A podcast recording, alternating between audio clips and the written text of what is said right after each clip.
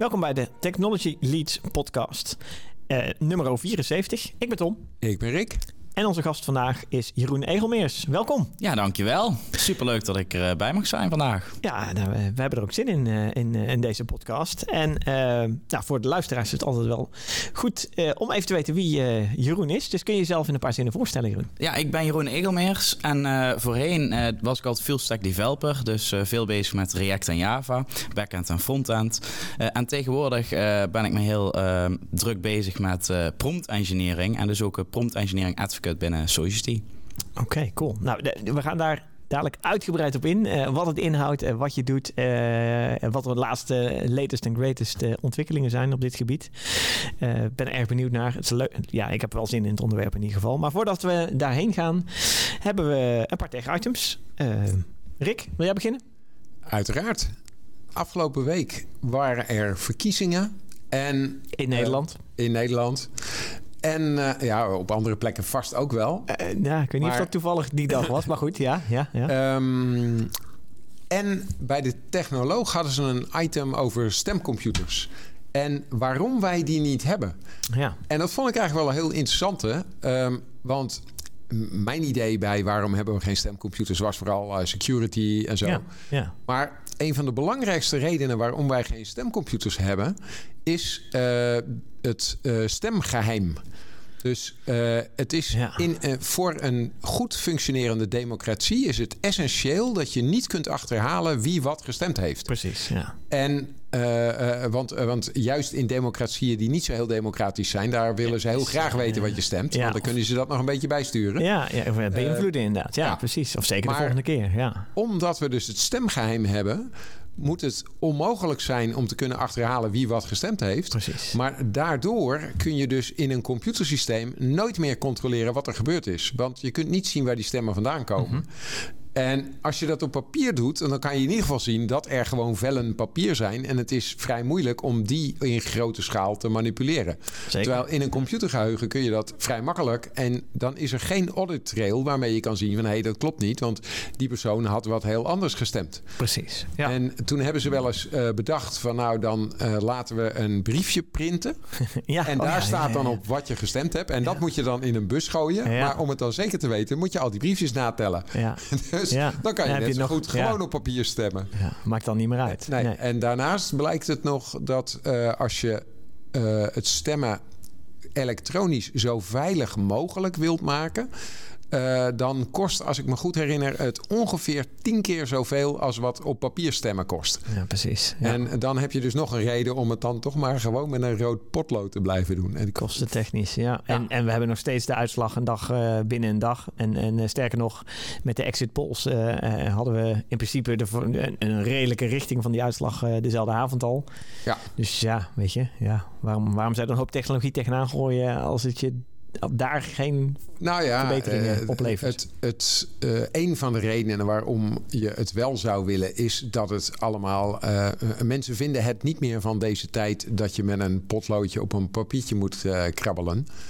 Ja, Ehm, En papiertje, ik weet niet of je... ik zeggen, dat was, eh, Je bent wel even bezig. dat was een flinke krant, ja. ja, Het, het- er was bij een of ander programma op tv hadden ze daar ook zo'n zo'n hele mooie persiflage op. Hè, van iemand die helemaal opgevouwen zat Ja. in dat hokje. Ja. Met een papier wat helemaal Ja, om zich heen, ja. gedrapeerd. Maar ja, het is inderdaad eh, heel groot. Maar, ehm, Maar niet meer van er- deze tijd, ja. Is dat, ja, dat is natuurlijk een gek argument, toch? Ik bedoel, Nou ja, eh, voor sommige mensen is dat het argument. En, Ja, ja. en er is dus van... eh, in de jaren negentig hebben we wel stepcomputers Ja, ik wou zeggen, gehad. de- de- ik wou er net naartoe gaan, want in het verleden is er wel eh, elektronisch gestemd, hè? Ja. En, en met name Rob Grongrijp, de, een van de oprichters van Access for All... die dus ook heel erg voor vrijheid en digitale, hè, digitale vrijheid is... die is daar toen heel erg tegen ingegaan. En die heeft aangetoond dat die dingen gewoon inherent niet veilig waren. Hij had ze toch gemanipuleerd ook, of zoiets? Hij had, hij had Hij had- aangetoond dat het te Hij manipuleren had was. zien hoe je ja. het kon manipuleren. Ja, dat, en ja. dat iedereen dacht van... wauw, als dat zo makkelijk is... Dan moeten we dat misschien toch niet willen. En toen eh, is er mee gestopt. Ja. Maar in Frankrijk gebruiken ze exact diezelfde eh, stemcomputers... die inmiddels 30 jaar oud zijn. eh, gebruiken ze daar nog gewoon. Ja. Dus die... en wat mij dus vooral in die aflevering van de technoloog opviel... is je hebt enorm doorzettingsvermogen nodig... om zoiets veranderd te krijgen. Want eh, zowel die Rob Grongrijp als...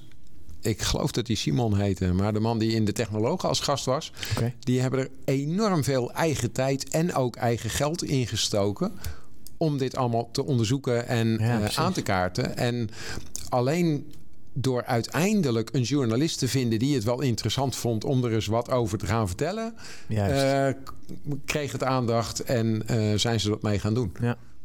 Ja, het enige anders, andere wat ik kan bedenken is dat je er een, eh, een afstudeeronderzoek of een, promo, een promotie aan verbindt of iets dergelijks. En, en op die manier zeg maar Ja, het, aantoont wat. het, het grootste probleem is gewoon om er eh, aandacht bij politici en ambtenaren voor te krijgen. Want die denken allemaal, ja, waar maak je je druk over? En we hebben wel meer ons... eh, ja, is dit het belangrijkste waar het over gaat? Maar Want, ja, want wat ze inmiddels ook gedaan hebben, is dus gekeken naar de software die nog wel gebruikt wordt. Dat is de software om de resultaten bij elkaar te tellen. oh ja. Dus ja. van alle Ja. stembureaus komen Die dan, dan de resultaten die moeten opgeteld worden.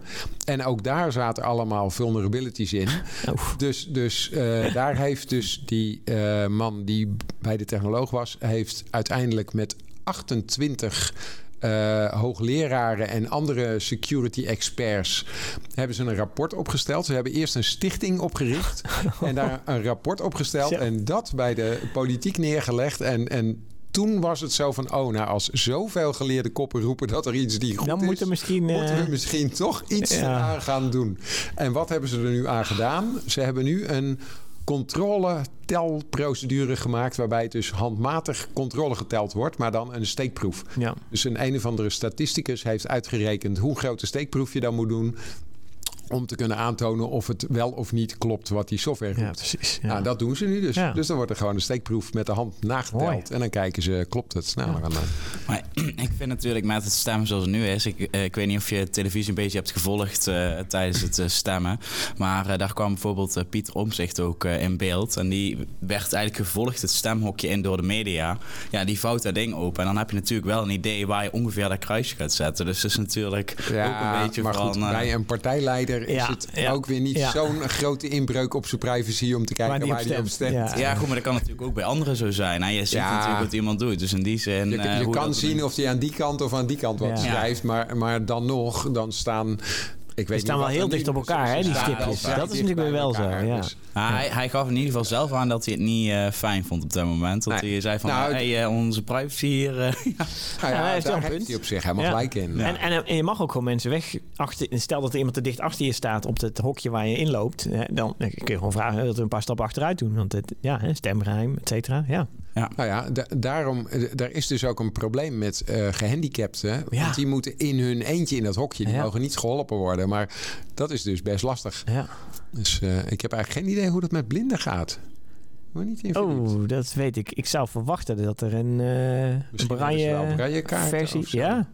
Nee, ja? Nou ja, Hoe, hoe groot is die dan wel niet? Oh. ik bedoel, onze stemkaart, wat je al zei, Jeroen, al zo groot is. Nou, ik ben ook wel eigenlijk, en nu je dit zo zegt, eh, ook nog nooit over nagedacht. Moet Ik zeggen niet. dat ik nog nooit iemand heb gezien, zeg maar, die daar op een andere manier bij geholpen werd of zo. Nee, Dus dan, nee, nee. eh, ik heb ook nog, nooit achter iemand gestaan die... Nee. eh nou, rolstoel, Nou, we dat is op zich... Dat, daar hebben ze stemhokjes met een lager eh, dingetje. Die had ik wel gezien. Ja, die heb ik ook gezien. Ja, maar dat, is- we- ja, we- dat is natuurlijk makkelijk. doen, eh, Tom, is dat we Leo Thijssen even raadplegen. Die Ah, hebben we ook ja, een keer in de ja. podcast gehad. Hè? Zeker, ja. Dus eh, eh, heeft een visuele beperking. Ja. Oh Eh, ja, ja, en die kunnen even die vragen hoe dat misschien werkt. wel eh, hoe dat werkt. Goed idee, Maar goed, goed. idee. Wellicht voor een volgende keer eh, om uit te zoeken. Ja. En Tom, wat heb jij? Eh, ja, ik heb eh, ja, ik, ik- ja, een beetje richting het eh, onderwerp. Ja, misschien ook niet. Oh. Eh, een, een, een topic wat ik tegenkwam op The Verge is dat Bart, een van de mooie Ja, de ja, Gen AI van, chatbots, maar dan eh, van Google, hè? Ja, precies. Eh, die kan nu queryen in videocontent. Dus die kan YouTube bevragen.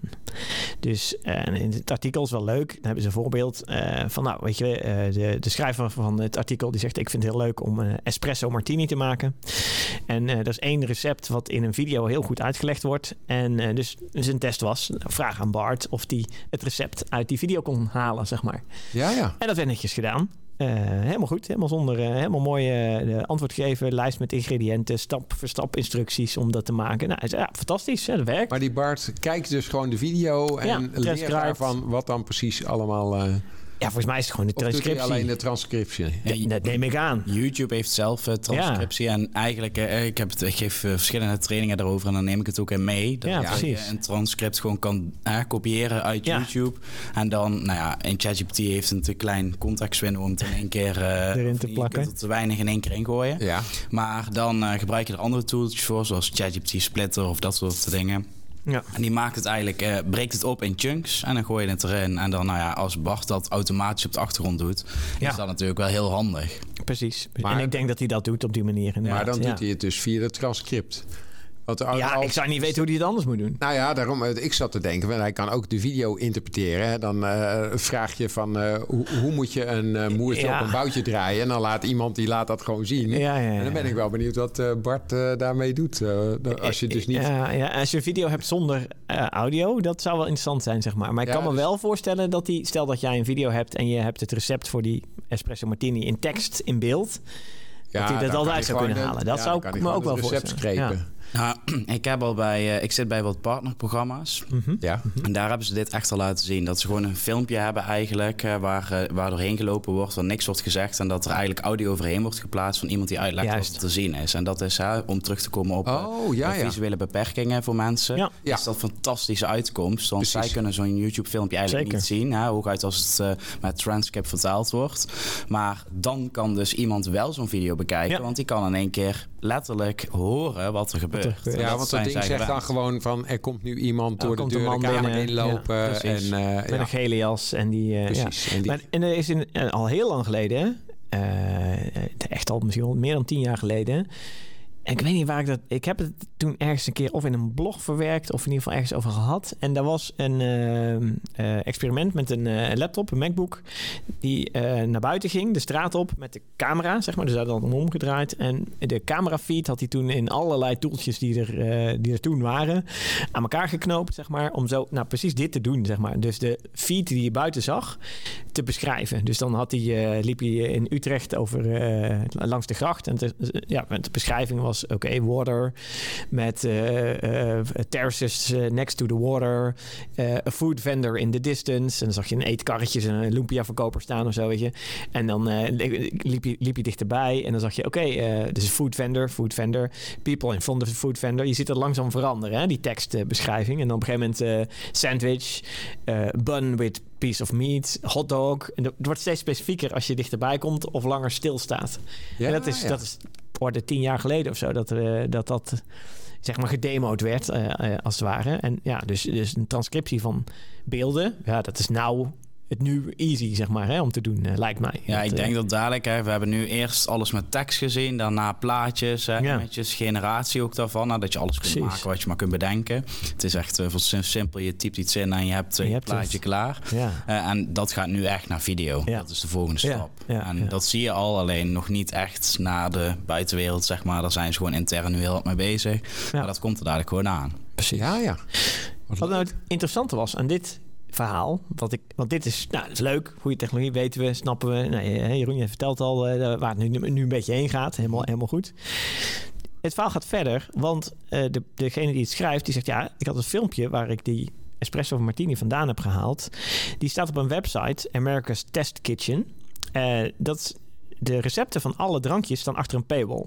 Dus alle recepten zijn, dan moet je een abonnement hebben, zeg maar, om daarbij te kunnen komen. Ja. Wat op zich een goed ja, verdienmechanisme is daarvoor. Alleen, het filmpje is wel gewoon op YouTube beschikbaar. Want ze hadden dus, ja, weet je, het filmpje, YouTube. What could go wrong? Oh. maar nu dit kan... Einde van het betaalmodel. Is dus dat hele betaalmodel uh, uh, om zeep, als het ware. Nou, er zal ongetwijfeld wat meer kennis en kunde in zitten uh, achter de paywall. Maar dit is natuurlijk wel... De, ja, kan een doodsteek zijn voor een verdienmodel, zeg maar. Omdat je... Of je moet ineens al die video ook achter de paywall gaan zetten. Ja. maar ja, dat was, vond ik wel interessant. En ik oh verrek, ja, mensen die realiseren zichzelf misschien ook helemaal niet... wat de impact van zoiets is op je eigen business of op de business om ons heen, zeg maar. Want dat ja, verandert gewoon ineens heel erg uh, de manier van uh, interactie nou, ja, in dit geval online. Maar, maar, dat zie je sowieso met alle mogelijkheden die generative AI nu begint te bieden. Ja. Dat er allerlei verdienmodellen opeens ondersteboven gaan. Uh, want, want... Ja, maar ook een hele hoop nieuwe ontstaan. Ja, ja, precies. Ik wil, uh, de, de, ja, maar goed, daar, weet je, daar ja, kan Jeroen vast uh, hele leuke voorbeelden dadelijk over uh, misschien wel mee komen. Maar ik kan me voorstellen dat er juist gewoon... enorme gaten zijn waar mensen inspringen nu. Nou ja, een heel mooi voorbeeld is denk ik de custom GPT's die OpenAI ja. heeft oh, uitgebracht. Die kun je, je kunt echt letterlijk zelf in een paar klikken een chatbot maken met jouw data. Precies. En daar kun je dadelijk ook een verdienmodel achter hangen. Dus dat, dat hebben ze al uitgebracht. Het is eigenlijk de nieuwe App Store, zeg maar, dan voor maar, maar hoe werkt dat met je eigen data? Dan? Want de, de, hij is natuurlijk pre-trained. Ja. Maar, en daarna train je hem dan met je eigen data. Nou, je moet het zo zien, het is eigenlijk een soort van laag voor het model. En uh, wat jij daarin kunt doen, is ja. je kunt bijvoorbeeld vals uploaden met daarin data van je bedrijf of van uh, net wat jij dat model E-mails, extra, uh, aan informatie wilt brochures, geven. Precies. Whatever, ja. Dan moet je echt denken aan data die dus niet in het model zit. Ja. Die kun jij daaraan toevoegen en dan wordt het eigenlijk een geheel wat ehm, nou, kan ervoor gaan zorgen dat je wel die data op kan halen. Dat brengt ook een paar risico's met zich mee. Want wat je nu bijvoorbeeld heel erg ziet bij de um, custom GPT's is dat met een beetje slim prompten kun jij letterlijk al die data downloaden. Ja. Want iemand anders want die data staat nog wel steeds centraal.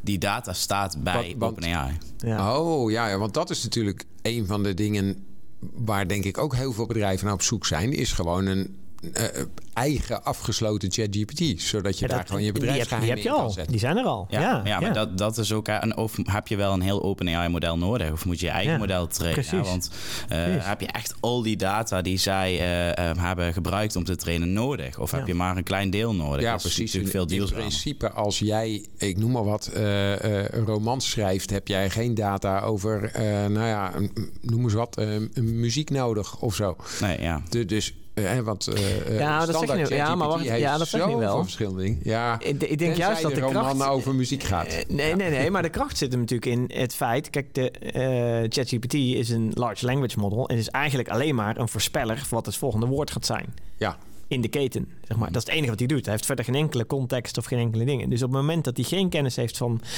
muziekboeken, noem maar even wat, als je een boek wil schrijven, dan mist hij dus bepaalde voorspellende gave van wat een vervolgend okay. woord zou kunnen zijn. En misschien ligt dat volgende woord wel in een muziekboek beschreven, toevallig, wat jij zou willen hebben in jouw boek.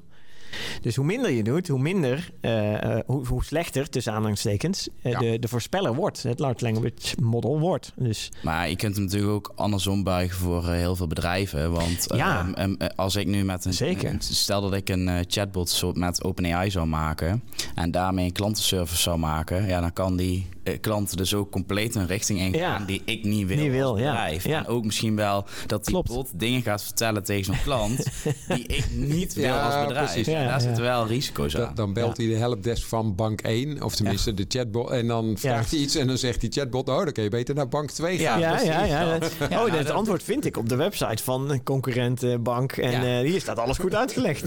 oh. Dat is dus echt, uh, dat is echt een Dat gebeurt, hè? Ja, ja, ja, ja. Ja, dus wat dat aan gaat, heb je gelijk, Jeroen. Dan kun je best uh, inderdaad... nou, al je eigen brochures pakken, al je eigen helpdesk files, et cetera. Die allemaal in die chatbot stoppen. En, en hem verder geen kennis geven van nou, muziekboeken en andere dingen. en dan, dan heb je hem helemaal beperkt, gescoopt tot ja. gesculpt tot wat jij uh, ja, zou willen. En dan komt natuurlijk nog het stukje met dat zo'n OpenAI-model bijvoorbeeld nu echt heel lekker met je communiceren. Ja, juist. Ja, dat is het. Dat je uh, een, een, gesprek aan het voeren bent met zo'n chatbot. En dat hebben we eerder, ik vind tenminste, nog nee. niet meegemaakt. Als ik met nee. een chatbot Klopt. aan het praten was van uh, bedrijven, het eerste wat ik deed was medewerkers spreken. en, en nu zie ik echt voorbeelden, zeker ook op conferenties, nou, waar ik echt soms stel achterover val van wauw, dat, dat, ik heb echt niet het gevoel dat daar een chatbot uh, aan het praten is. Zeg nee, maar. precies. Inmiddels is de Turing-test echt wel uh, geslaagd uh, bij dit soort apparaten. Ja. ja. Ja, zeker, zeker. Ja, ja, nee, ja dat is helemaal waar. Helemaal waar. Eh, overigens, om maar even terug te komen op van ja, bedrijven willen. Eh, want je zit natuurlijk met, met die data. Daar, daar, daar hadden we het net even over. Dat je ineens al die data beschikbaar hebt. En dat, nou ja, dat Rick dan bij wijze van spreken de data kan downloaden die uh, Jeroen net in zijn gegenereerde chatbot geüpload heeft. dat is een ding. Maar daar zijn ook wel ook weer nieuwe bedrijven en nieuwe verdienmodellen ingesprongen. En die zeggen, maar ja, weet je wat, uh, het is open AI. Het heet niet niks open AI. Dus je kunt gewoon, alles is open source. Dus je kunt het zelf pakken, op je eigen hardware draaien en, uh, lokaal trainen in een uh, local cloud of on-premises als je zou willen. En sterker nog, er zijn dus bedrijven die dat voor je doen. En dan uh, leveren ze netjes een, uh, een server, een rack, net hoe, hoe, powerful je hem wil hebben, leveren ze aan je uit. En dan binnen je eigen pand bijvoorbeeld, zodat alle kennis en kunde helemaal afgeschermd is van de boze buitenwereld. Ja. En, en daardoor toch jouw custom chatbot is, die eventueel ook nog lekker praat. Mm -hmm. En dan, dan heb je dat. En dat, die, die, diensten zijn er nu. Die zijn maar er. ik denk ook dat dat heel erg belangrijk is. Ja. Als ik, met, ik zit met heel veel bedrijven nu. En wat ik gewoon daar zie is dat ze allemaal aan het experimenteren zijn. We Ja. willen er iets mee, we moeten er iets mee, maar wat? Dat is dan de vraag. Hè? Ja, hoe gaan we hiermee verder? We hebben allemaal ideeën, maar we weten eigenlijk niet wat we ermee moeten doen. En dan krijg je situaties dat mensen dus denken... hey, die custom GPT's die zijn wel heel erg makkelijk... want het is een paar klikken en ik heb eigenlijk al mijn data... gewoon beschikbaar voor het hele bedrijf. Nice. En ehm, dan hè, krijg je het probleem van... joh, ik kan met één prompt nu al jullie data downloaden. Is Ja. dat iets wat je wilt? En dan is paniek, want Ja. nee, nee, dat mag niet op eh, straat komen te liggen. Nee, ja, nee. Dus daar moet je echt over nadenken en advies in winnen bij de juiste Precies. mensen. En niet zomaar iets gaan doen, want dan kom je in hele ve- vervelende situaties. Het is niet voor Ja, niks en- dat heel veel bedrijven nu allerlei policies aan het uitvaardigen zijn naar hun medewerkers toe. En, en dat doen de bedrijven waar wij voor Ja. werken ook. Hè. We hebben ook allerlei niet richtlijnen waar we, eh, wat we wel en niet mogen. Eh, je mag niet commercieel een, een chatbot nu inzetten om een klant mee te helpen. Of sterker nog, om de testcases te genereren voor jou die jij wil uitvoeren. Want dat is, dat is een potentiële privacy eh, schending, zeg maar. Dus eh, ja, spelen is prima. Maar dan ook echt alleen spelen, zeg maar. En, en eh, binnen allerlei kaders. Nou ja, Kom, je- kom, je- maar ik ben wel benieuwd of je dat veel tegenkomt nu al. Dat dat soort richtlijnen uitgevaardigd worden. Heel veel. Je- sowieso alle bedrijven zijn daar wel mee bezig. Mensen Ja. die ik spreek, anders dan kom ik er waarschijnlijk ook niet terecht. Ja, ja, ja. uitnodigen? Eh, maar ik denk dat ehm, je er stiekem best wel veel mee kunt doen. Alleen wat mensen zich moeten be- be- eh, beseffen... is dat je bijvoorbeeld eh, placeholders moet gaan gebruiken... of andere variabelen, zeg maar... die je later met de daadwerkelijke input en data injecteert. Ah, ja, ja. Eh, en dan kun je toch best wel veel doen, Ja. maar ja, toch afgeschermd, zodat je geen data van jouw bedrijf deelt. En daarbij komt, je kunt natuurlijk ook je eigen applicaties bouwen. Hè. Dat hebben wij intern ook gedaan. Waarmee je wel testdata kunt genereren op een veilige manier. Zeker. Dus dat, en dat zie je ook echt gebeuren. Want eh, we hebben zelf eh, een platform daarmee gebouwd. Nou, ik, de eerste keer dat ik het zag, dacht ik... wauw, dat dit zo, zo goed werkt. En dat je de output... Natuurlijk, hè, er zit heel veel techniek achter. En er zitten heel veel uren in. En eh, daar hebben heel veel mensen Precies. over nagedacht. Dus het komt niet zomaar van de grond. Maar dan nog, de output is wel fantastisch om te zien. En er zit ook echt wel verschil in... in wat wel goed werkt en wat niet goed werkt. Want bijvoorbeeld code... Ja, daar ben ik zelf nog niet zo'n groot fan van. Ik Mhm. denk dat eh, eh, de eh, GitHub Copilots en eh, dat soort dingen veel beter werken. En dat heeft puur met context te maken. ja. Dus dat eh, maar maakt kun het je interessant. daar iets meer over vertellen dan? Want, Ja, want- wat is het verschil tussen Copilot en andere dingen die di- datzelfde doen dan? Nou, wat, wat je met de Copilot ziet, dat is zeg maar, dat kun je in je eh, eh, ontwikkelomgeving hangen. En wat er dan gebeurt, is ik ben code aan het typen en dan Copilot vult automatisch aan wat de volgende code moet zijn. Precies. Ja. Dus Ja. de manier van werken wordt daar heel anders door. Want ik, zie, ik heb echt op conferenties gezien dat mensen gewoon zitten te tappen van top, volgende, volgende, volgende, volgende. ja, volgende. ja. Doe maar suggestie, nieuwe suggesties, nieuwe suggesties. Ja, Ja, maar werkt de- de- fantastisch. Op een gegeven moment vraag ik me dan wel af, hoe, hoe weet die eh, Gen AI dan nog wat jij wil gaan maken? Nou ja, dat is dus eh, getraind op andere data. Dus bijvoorbeeld GitHub Juist. zit er letterlijk helemaal in. Dus alles, alle data Millions of lines of code zitten Nou daar ja, al in. Maar, maar ik wil op een gegeven moment een stukje software maken, nou, eh, noem eens wat, om verkiezingsuitslagen bij elkaar te tellen. ja. Maar dat ding weet niet dat ik verkiezingsuitslagen bij elkaar Ja, tellen. dat ding is nog steeds een, een woordenvoorspeller. Dus ook voor code is het nog steeds een woordenvoorspeller. Dus het volgende woord voorspelt hij. En die weet dus inderdaad niet dat jij een verkiezingsteller aan het bouwen bent of een dobbelsteengooier. Nou, en dat heeft eh, Dus twee in die dingen. zin, ja. Wat nu het grootste probleem is met het genereren van code, en daarom denk ik ook dat zo'n OpenAI-model daarin ja, nog wat context mis, is letterlijk context. Ja, ja, Dus ja, als je een heel groot bedrijf hebt, hè, laten we zeggen bij een grote bank of eh, nou, noem het maar op.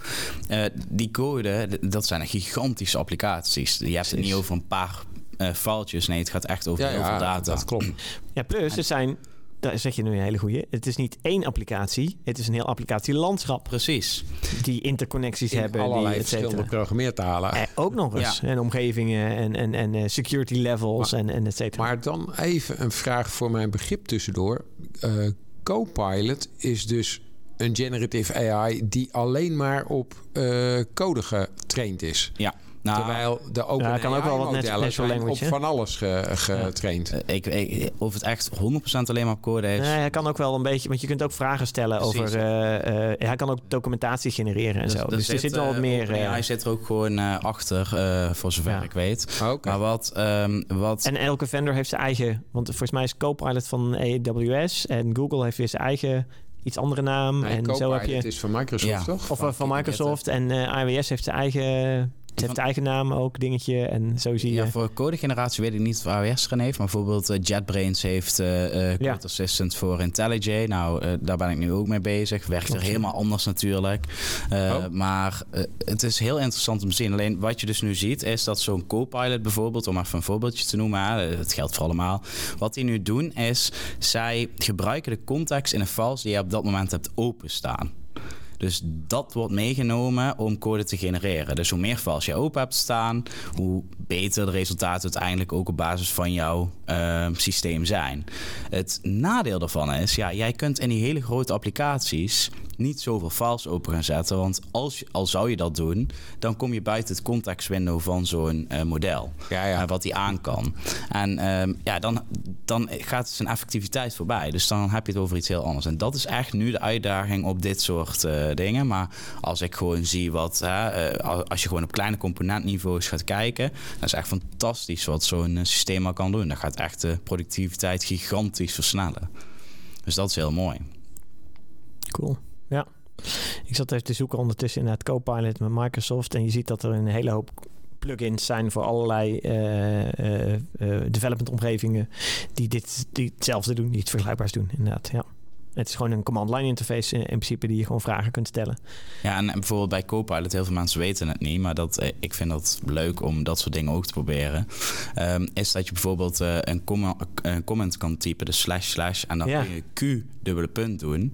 En dan kun je gewoon een vraag stellen, Vraag stellen. zoals je dat aan ChatGPT zou doen. Ja, ja. En ik Oh. zie daar heel veel voordelen in. Want eh, denk even na over jong professionals die binnen een bedrijf komen. Die hebben heel veel technieken net op school geleerd. Hè. Die zijn eigenlijk volgestampt met informatie. Maar dan moeten ze in de praktijk toe gaan passen. En wat ik dan heel vaak zie is dat, eh, ja, hoe doe ik ook alweer mijn merge? Hoe unboard ik die? Of eh, hoe ga ik dat, hoe undo ik die eigenlijk? Eh, nu kun je gewoon letterlijk in zo'n systeem die vraag stellen. Je krijgt het antwoord. En zo'n jong professional kan meteen weer door. Die hoeft daar Ja, geen andere medewerkers ook bij te betrekken. Dus je hebt ook gelijk een coach eh, Ja. onder de knop zitten. Nou, ik zei eigenlijk al, per programma krijgt gewoon een andere dimensie. Ja, Want je hebt ja. gewoon standaard iemand langs je zitten. Hè, Ja. Dan in dit geval een, een Een apparaat. Ja. Maar hè, die constant met jou mee gaan gaan kijken en eh, kan waarborgen wat jij aan het doen bent. En ja, ik zie dat dat dadelijk gewoon in de volledige pijplijn overal eh Dat die erin gaat komen. Ja. Hier heb je natuurlijk precies hetzelfde probleem. Of probleem, eh, een uitdaging. Wa- Waar we het net over hadden. Die data die jij... eh, die Copilot is getraind op heel veel code. Mhm. Lines of code die in GitHub zitten... die gewoon openbaar beschikbaar zijn. Maar als jij nou... Als eh, Rick nou een bedrijf heeft... die alleen maar ehm eh, verkiezingsuitslagen applicaties bouwt... Ik noem maar wat. Dan wil je misschien juist je Copilot trainen op verkiezingsuitslagen applicaties. En die wil je niet openbaar beschikbaar maken. Dus ook hier krijg je weer hetzelfde. Dat we hele specifieke co-pilots kunnen trainen voor jouw bedrijf, voor jouw codebase, die ook weer niet eh, openbaar beschikbaar wil laten zijn, zeg maar. Maar wel weer de benefits wil hebben van die fijne interface die Copilot heeft. Ja, ik denk, ik ben Toch? dus heel benieuwd hoe dat, dat gaat zijn. Ja. Want waar, eh, kijk, code is code. Ja. We, daar kunnen we makkelijk ja. over zijn. En of dat, eh, het, het, enige ding is gewoon dat hij de context van jouw Ja. applicatie moet leren kennen.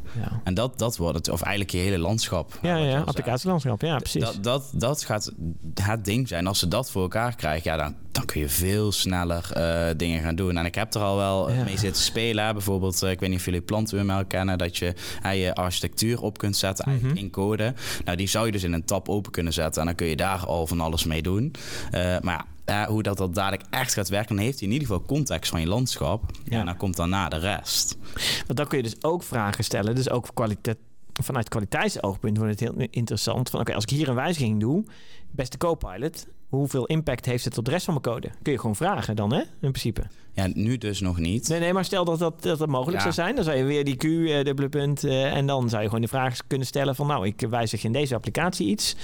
Hij weet het applicatielandschap. En dan zou hij kunnen zeggen... oh ja, maar dan moet je even checken die database. En deze API heeft het impact op. En hier, voordat je je code incheckt, check dat even. Ja, ja ik, Toch? Dat zou moeten kunnen dan. Ik, ik weet niet of dat we hoe lang het gaat duren überhaupt hè, voordat we Ja, ja, ja. komen. Maar ja, dat zou natuurlijk Dat komt eraan. zijn. Ja. Zeker dat je nu al ziet dat mensen gewoon een code schrijven en dan zeggen: Oké, top, genereer mijn testen maar, Ja. mijn unit tests. Ja, ja, Ja, Nou ja, het, wat ik dan wel grappig vind is dat, dat jij zegt van ik weet niet hoe lang dit gaat duren. Eh, ik voorspel dat het er op heel korte termijn Ja, dat gewoon is. ook. Want besef wel, een jaar geleden eh, had nog nagenoeg niemand van ChatGPT gehoord. Ja. En we zijn nu een jaar verder en er kan nu zo ontzettend veel dat ik. eh, eh, eh, eh, Het gaat nu zo hard eh, dat de CEO eh, in één weekend weg is en weer terug is. Ja, zo snel ook. gaat het, hè? Ja. Ja, maar ook to- toen eh, Tom en ik het eh, boek Testing in the Ja. Digital Age publiceerden... toen riep ik altijd van nou, verder dan tien jaar in de toekomst durf ik zeker niet te kijken. Maar ik durf tegenwoordig al niet verder dan een jaar in de toekomst te kijken. Nee. Je hebt geen idee wat er Ja. gaat gebeuren. Maar dat is ook de reden dat ik zeg: ik heb geen, ja, dat kan, het kan zo gebeuren, maar het Ja. kan ook nog wel even duren. Want ja, maar, maar even duren in deze context is een jaar of misschien Minder twee, nog wel, weet je. ja. En terwijl... Nou, ja. Ik, eh, eh, en, en dan ben ik natuurlijk de IT-opa hier. Maar, maar ik, ik kom uit een tijd dat, dat ontwikkelingen... dat- die zag je vijf jaar van tevoren aankomen, weet je. En, en de- het gaat nu zo snel. Het is echt ongelooflijk. Maar ik denk wel dat, ehm, ja, ChatGPT gaat bijvoorbeeld heel snel. Hè, wat je er allemaal mee kan, dat is echt ongekend. Eh, ik, ik, ik zei al, ik ben er eh, iedere week heel veel mee bezig. Ook met klanten, bedrijven, en, eh, noem het dan maar op. Ehm, en dan kom ik op een conferentie en dan zie ik iemand die zo en dan denk ik, hoe Wat? kan dit? Ja, ja. Hoe, hoe hebben ze dit gedaan? Ja. Eh, terwijl dat ik er zoveel mee bezig ben en nog steeds eh, tegen dat soort eh, zaken aanloop van wauw dat dit al kan. Of, of Waanzin, bij eh, ja. partnerprogramma's zit en dat ik zie wat, wat ze aan het maken zijn. Dat ik denk, daar had ik eigenlijk nog nooit over nagedacht dat, dat je die kant op zou kunnen gaan hiermee. Maar aan de andere kant van het verhaal is wel één ding wat we nog niet getackled hebben. En dat is de governance eromheen. Ja. Dus hè, ehm, inderdaad, Copilot super tof. Het wordt wel opgestuurd, je code. Ja. Dus Ja, wil nou je dat? Precies, de, die geheimhouding, dat is een hele lastige. Ja. En wat dat betreft, zat ik net te denken, ben ik eigenlijk heel benieuwd hoe bijvoorbeeld eh, eh, militaire organisaties dat doen. Want die zijn volledig losgekoppeld van internet. Dus die koppeling hebben ze niet. Maar die zullen dit soort technieken toch ook dolgraag willen gebruiken. Dus het zou me niet verbazen als die gewoon hele eigen instances hebben. Ja, ja, ja. En dat dus Zeker. dan op hun eigen codebase laten leren. En eh, nou ja, dat moet het in principe ook kunnen. Alleen Maar je kunt... dan, je- ja. dan hebben ze inherent hun, hun veiligheidsproblemen al opgelost. Want ze hebben gewoon een volledig afgeschermde situatie. Je kan gewoon het hele... eh, Het is, hè, waar we het er net al over hadden, Open AI is open. Het is open source en er zijn meerdere open source eh, large language models. Die kun je gewoon oppakken. Kun je uit, uitchecken uit GitHub. Eh, op een server gooien, die loskoppelen ja. van het internet. En dan zelf laten leren met, met een hele bak data. En dan heb je je eigen model. En dus, ja, wat ik al zei, er zijn dus ook bedrijven die dat voor je doen. Die dat uit handen nemen. En dan zeggen, nou, we, we zetten bij jou een server neer. En die kost eh 10.000 euro per maand. En dan eh, managen we helemaal alles voor je, regelen alles voor je. Als het ding stuk gaat of wat ook, als iets nodig is, we regelen het voor je. Maar dan is dus het voornaamste punt in het probleem wat je aankaart, Jeroen, is, is dat het voor grote bedrijven kan het allemaal. Ja. En kleine bedrijven, die gaan daar dus te mis Ja. mee in, want die kunnen dat niet. Ja, hoe, hoe dat of die precies... vinden het risico ik niet denk dat zo het groot en dat die kostentechnisch, gewoon het- kostentechnisch is het gewoon, eh, hoe groter je bent, zeg maar, hoe makkelijker het is om dat te dragen, die kosten. En Ja, als je maar, een klein... als je klein bent, dan is het misschien ook niet zo'n ramp als het uitlekt. Want ja, Nou, dat weet ik niet. Als jij een heel klein bedrijfje toeleverancier aan Defensie bent, eh, hier in Nederland, en je Nou ja, eh, bent daarvan dan- afhankelijk, ik noem nou, maar maar wat. dan moet je gewoon in het defensiedomein gaan zitten. Ja, Dan ja. moet je dat niet op je eigen domein gaan zitten Nee, maar, maar dat is dan de, de voorwaarde die je dan stelt, zeg maar. Hè? ja, nee, het, Dus dan Nou, feitelijk oh vraag je dan aan en de... dat wordt een hele interessante. Hoe gaan ze dat in bijvoorbeeld contracten dan afdekken? Van wat je als toeleverancier eh, eh, geregeld moet hebben. eh, Nou, maar dat is op- nu toch ook wel? De geheimhoudingsverklaringen, et cetera, is ook allemaal geregeld. Ik, ik heb Ja. één keer een projectje eh, gedaan en toen ging het om testtooling. En toen kwam de testtoelleverancier met... nou, dan moeten we nu even deze licentiecode op de server... eh, of nee, die moeten, eh, dan moet dus de, eh, de client moet nu even deze licentiecode checken via internet. Waarop die militair zei... Ja, dat nee, hebben we niet. Geen internet. Ja, maar dan kunnen we de licentie niet checken. Nee, dat klopt. Ja, Eh, Verzin maar wat. ja, ja. ja, ja, Toen ja. moest er dus een licentieserver binnen het domein ingericht worden. En, eh, Of dongels of dingen, ja. ja. Nou ja, goed. Maar- Maar dat, dat is dus inderdaad een probleem wat, eh, wat er is. En ik denk een andere is gewoon opvoeding van mensen. Van hoe ga je ermee om? Ja, en security. Dat is ook echt iets wat mensen. Ik Ja. heb het, eh, ik heb pas toevallig op LinkedIn ook geplaatst. ehm, dat wat je nu ziet, is er was een eh, bedrijf en die had het erover van, ah ja, wij krijgen heel veel facturen binnen en we willen eigenlijk met eh, Generative AI die analyseren. Dus hè, wat staat erop en dan eigenlijk automatisch laten uitbetalen. Je hebt tegenwoordig voor het hele workflow dingen die je kunt doen. Dus je Ja, kunt ja Zapier als, je, als bijvoorbeeld een, eh, een verzekeringsmaatschappij bent. Nou, bijvoorbeeld. Iemand stuurt gewoon van, hè, ik heb mijn, eh, ik noem maar wat, mijn eh, dure vaasstuk laten vallen. En hey, ik dacht ook net aan rekening. Vaas. Ja, En dan, eh, nou, dan eh, eh, krijg je hem uitbetaald. Ja, dus maar wat je ook echt kunt doen, nou, je kunt met ChatGPT, als je de eh, betaalde versie hebt, kun je het proberen. Eh, je kunt daar gewoon een factuur in gooien en dan vragen, eh, wat staat hierop? En dan krijg je letterlijk, nou, dit is een factuur voor dit en dat en eh, Ja. de kosten zijn dit. Dus eh, zo'n, zo'n ja, als we het over zo'n eh, verzekeringsmaatschappij of wat dan ook hebben, die zouden dus dat kunnen doen. ja. Ja. Het probleem is alleen, waar ze dan dus niet over nadenken, is dat je dingen hebt zoals prompt injection. En dan kun je eigenlijk in jouw factuur een prompt verstoppen.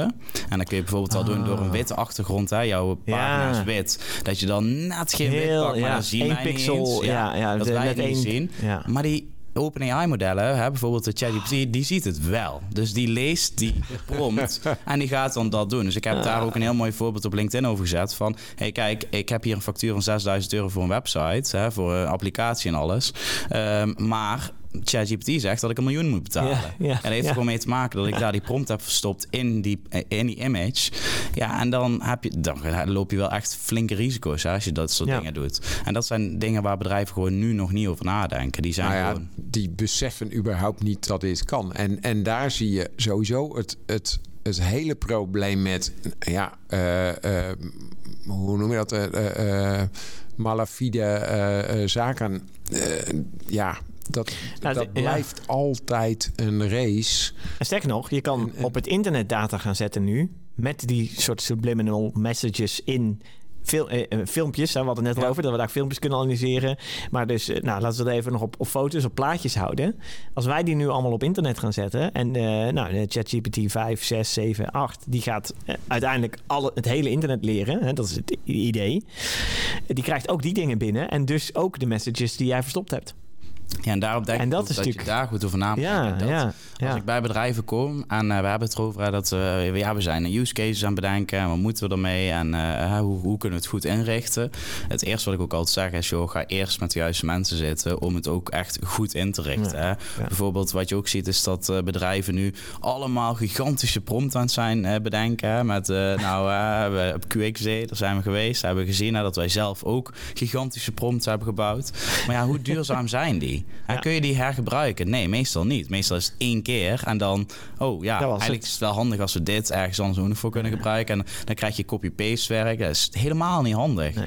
En eh, daarom zeg ik ook heel vaak, joh, denk gewoon aan software engineering. Daar hebben we al die eh, principes al een keer uitgewerkt. Heel veel daarvan kun je hergebruiken voor dit.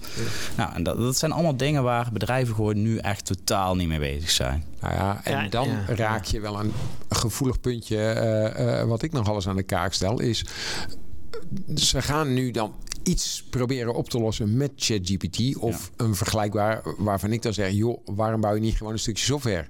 Weet je, eh, want, want Exact. sommige dingen. En, en, eh, ja, da- dan zijn mensen hele tijden bezig om dat eh, zo te krijgen dat ChatGPT ongeveer doet wat ze willen. En, en, een van de klachten die je wel eens hoort is van ChatGPT kan slecht tellen. Ja. Dan denk ik, ja, Ja. neem gewoon een spreadsheetje, weet je. En dan schrijf Ja. je daar een macrootje op en dan ben je in 10 minuten klaar. Ja. En eh, dan ga je de ChatGPT proberen te leren. Ja, daar is hij niet voor. Nee, Nee. ja, een taalmodel en die laat je rekenen. Ze Ja, rekenen, dat kan niet. Nee, ja. Ja. Net zoals natuurkunde, scheikunde, alle exacte Ja. vakken, zeg maar. Ja, weet je, dat heeft geen, geen enkele zin. Nee. Nou hij, ja, maar- hij voorspelt maar- alleen maar wat het volgende woord is. Dus niet Ja. hoe, hoe zwaartekracht werkt. Hè? Dat, is, dat is iets heel anders. Ik hoor die ook heel vaak voorbij komen. En dan zeg ik ook, ja, vraag jij ook om een boek te schrijven aan een eh, rekenmachine? Ja, Dan nee, ja. ja, daar is het Nee. niet voor gemaakt. Ik zeg, ja, maar je doet nu hetzelfde bij Ja. Precies. ja, Ja, In die zin, ehm, Ja. Ik zat nog wel te denken aan dat fraudestukje, zeg maar, van die rekening indienen, et cetera. Aan de andere kant, ja, eh, daar moet je natuurlijk goed over nadenken als je dit soort dingen gaat doen. Maar, eh, en, en dan komt een beetje wat Rick net zei, ja, dat is natuurlijk van alle dag, zeg maar. Ik bedoel, toen we eh, voor het eerst digitaal een rekening in konden dienen, gingen mensen ook gewoon digitaal de rekening bewerken om de rekening hoger te laten lijken dan die was en hem dan indienen, weet je? Dus in, in die zin is het ook weer niet heel anders dan dat het ooit was, zeg maar. Het is altijd van alle tijden zoiets, zeg maar, dat je daar maar op moet letten.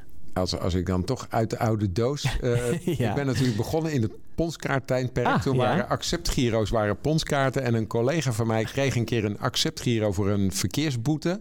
ja. En die heeft daar gewoon wat gaten bij geponst. Waardoor het simpelweg niet meer verwerkbaar was. Ja, ja, ik wou En zeggen, je weet natuurlijk dus niet ook wat dat- ja. nooit hoeven betalen. Want, want het systeem wist wel dat het ding was binnengekomen. Alleen kon er niks kon er mee. Nou. Klaar, Nou, ja. afgehandeld. Ja, ja, ja. Nou ja, precies dat. Ja. Dus zelfs toen al kon het. Nou ja, op, ja. Ehm, maar wat ik nog even, want eh, eh, we schieten heel hard door de tijd. Ja, zeker, heen, ja, maar een klopt, van de ja. dingen Ja. waar Het is ook wel een heel leuk Jeroen onderwerp, heel dus, druk ja. mee bezig is, is prompt crafting. En Mhm. ik zou graag willen dat je daar ook nog wat over vertelt. Van, want we hebben nu gehad over allerlei problemen en moeilijkheden met ChatGPT en aanverwanten. Maar vertel eens wat over hoe laat je dat ding nou op een goede manier precies doen dat wat je wil. Ja, kijk, sowieso, hè, dat is ook wel iets wat je echt eh, in mijn ogen wat moet leren. Het is niet dat je het eh, zomaar doet. Maar ik geef er heel veel training over. En eh, ik gebruik er eigenlijk een, een frameworkje voor wat ik heb gemaakt. Om mensen eigenlijk een beetje een standaard manier te geven om nou ja, het makkelijk te begrijpen, maar ook gewoon te kunnen volgen. En daarbij komt nog eens een voorbeeld eh, dat het gewoon fijn is om binnen een bedrijf een bepaalde standaard te gebruiken. Dat niet iedereen maar zijn eigen ding gaat doen, maar dat je gewoon concreet weet, hey, dit verwachten we van een prompt en eh, ehm, dit moet het doen. Eh, en er zijn een aantal dingen. Het heet Crafting AI. En iedere letter staat eigenlijk voor een bepaald onderdeel waar je over na moet denken. Nou, het eh, framework bestaat uit drie fases. Eerst craft, waarbij je eh, de prompt eigenlijk maakt. Dan heb je eh, de validatiefase, validation phase. En die is super belangrijk natuurlijk voor bedrijven. Want daar gaan we het bedenken van... hey, bedrijf, deel ik geen bedrijfsdata, maar ook bijvoorbeeld GDPR. is echt iets wat ja, mensen ja, compleet vergeten. Ja. Ik zie het echt overal gebeuren. Ze gooien gewoon volledige adresgegevens, banknummers zelfs. Ze gooien ze erin. Ja, maar dan kan ik het zo opvragen. Ja, maar dan staat het ook in het model. Zeker als jij ja, ChatGPT gebruikt en niet de dingen uitzet. En als laatste heb je de enhancement phase. En daarin ga je eigenlijk, hè, als het niet het doel eh, bereikt heeft, ga je daar eigenlijk op voor. Dus een iteratief proces. Nou, dat kennen wij echt ook wel vanuit TeamApp en dergelijke. Eh, of Scrum. Dus dat, dat zijn een beetje de processen waar je doorheen gaat. Nou, en om dan eruit te lichten, het stukje kracht. Dat staat voor context. Ja, daar schets je echt van uh, wat, wat, waar moet het over gaan. Stel dat ik een user story wil uh, maken. Ja, waar moet die user story over gaan? En wat wil ik er allemaal in hebben en, en, dergelijke. Dan heb je register. En dat is eigenlijk de schrijfwijze. Um, voor iedere taak die je wil gaan doen, heb je een andere schrijfwijze. Ik ga niet uh, een LinkedIn-post die super uh, enthousiast is, uh, ook gebruiken voor een user story bijvoorbeeld, om maar even die koppeling te leggen. Daar wil je misschien wel een hele formele toon of dat soort dingen. Dan heb je een acting rol. Een acting rol is eigenlijk een soort van template, maar je stuurt ook een model naar welke kant je toe wilt gaan. Dus LinkedIn is daar een makkelijk voorbeeld in, want bijvoorbeeld een LinkedIn-expert. Nou, die heeft al standaard methodes die die gebruikt. Dus die gaat hashtags gebruiken en een titeltje bijvoorbeeld met wat emoties. Die gaat geen bullet points gebruiken, maar uh, emoties als uh, key takeaways bijvoorbeeld. Ja. Um, en dan heb je uh, de F van format. Um, nou, die is super belangrijk. Laten we teruggaan naar het stukje user stories. Daar zijn hele mooie dingen over op internet geschreven hoe zo'n user story eruit moet ja. zien. Ik ben bij heel veel bedrijven geweest. Nou, er is een enkeling die het doet, maar de meeste hebben een eigen manier van werken. Dat zul je vast wel herkennen. Ja. Um, en het is natuurlijk niet handig als jij die standaarden gaat overnemen, terwijl het je binnen je bedrijf heel anders doet. Dus dan wil je eigenlijk het model sturen naar een bepaald format. Hey, dit is de manier hoe wij het doen. Dus ik wil ook deze, uh, dit format van jou terug als output, zodat je simpelweg kunt kopiëren, plakken naar, of zelfs helemaal kunt automatiseren dat het bijvoorbeeld in Jira komt of uh, wat dan ook.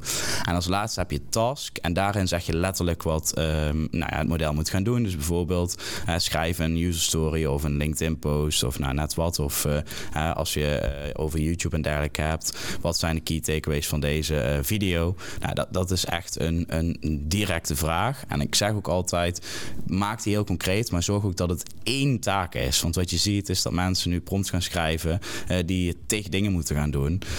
ja, ik zie gewoon dat de kwaliteit echt gigantisch omhoog gaat als je het specificeert op één taak per prompt. Zeker als het over hele grote prompts gaat. Nou, dat is eigenlijk een beetje, dat is kracht. Dus dat is de manier al hoe je het berichtje schrijft. En dan komen daar natuurlijk nog zeker met uh, non-disclosure, de, de N van ING, dat je uh, goed nadenkt uh, over GDPR en AVG-wet. En nou ja, dat je dus geen bedrijfsdata deelt en dat soort zaken. Cool.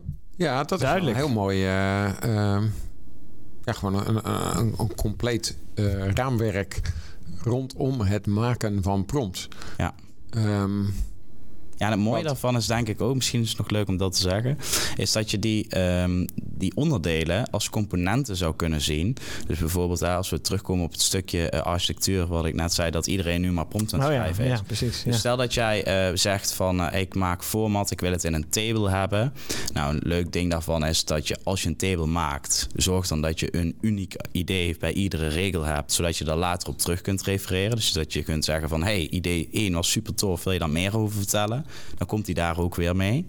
Uh, maar dan hoef je die maar één keer te maken. Want jij kunt dat als een component zien. En als je dan uh, prompt recipes, dat is ook een techniek die uh, veel gebruikt wordt, dan zou je eigenlijk die componenten kunnen pakken en in zo'n nou ja, recipe use case mm -hmm. kunnen zetten. En dat iedere keer hergebruiken. En dan wordt het ah. natuurlijk veel makkelijker. Ja, ook ja. om dingen met elkaar te delen. Want een hele prompt met iemand delen, ja, is natuurlijk. Moet je heel veel weten over de. Een, ja, een beetje object-oriented uh, programmeren. Ja, da daar komt het ook wel een beetje het idee van af. Ja, nou ja, en, en, en, wat je hier dus ziet in dat hele prompt engineering, zie je toch weer heel veel programmeertechnieken en, en filosofieën terugkomen. Ja. Ook een stukje um, low-code-achtige, hè, die bouwblokken-definitie, zeg maar. Ja, dat is ook ja. weer eindelijk een soort low-code, no-code-achtige manier van werken. Ja, precies. Ja, cool. Gaaf. Leuk.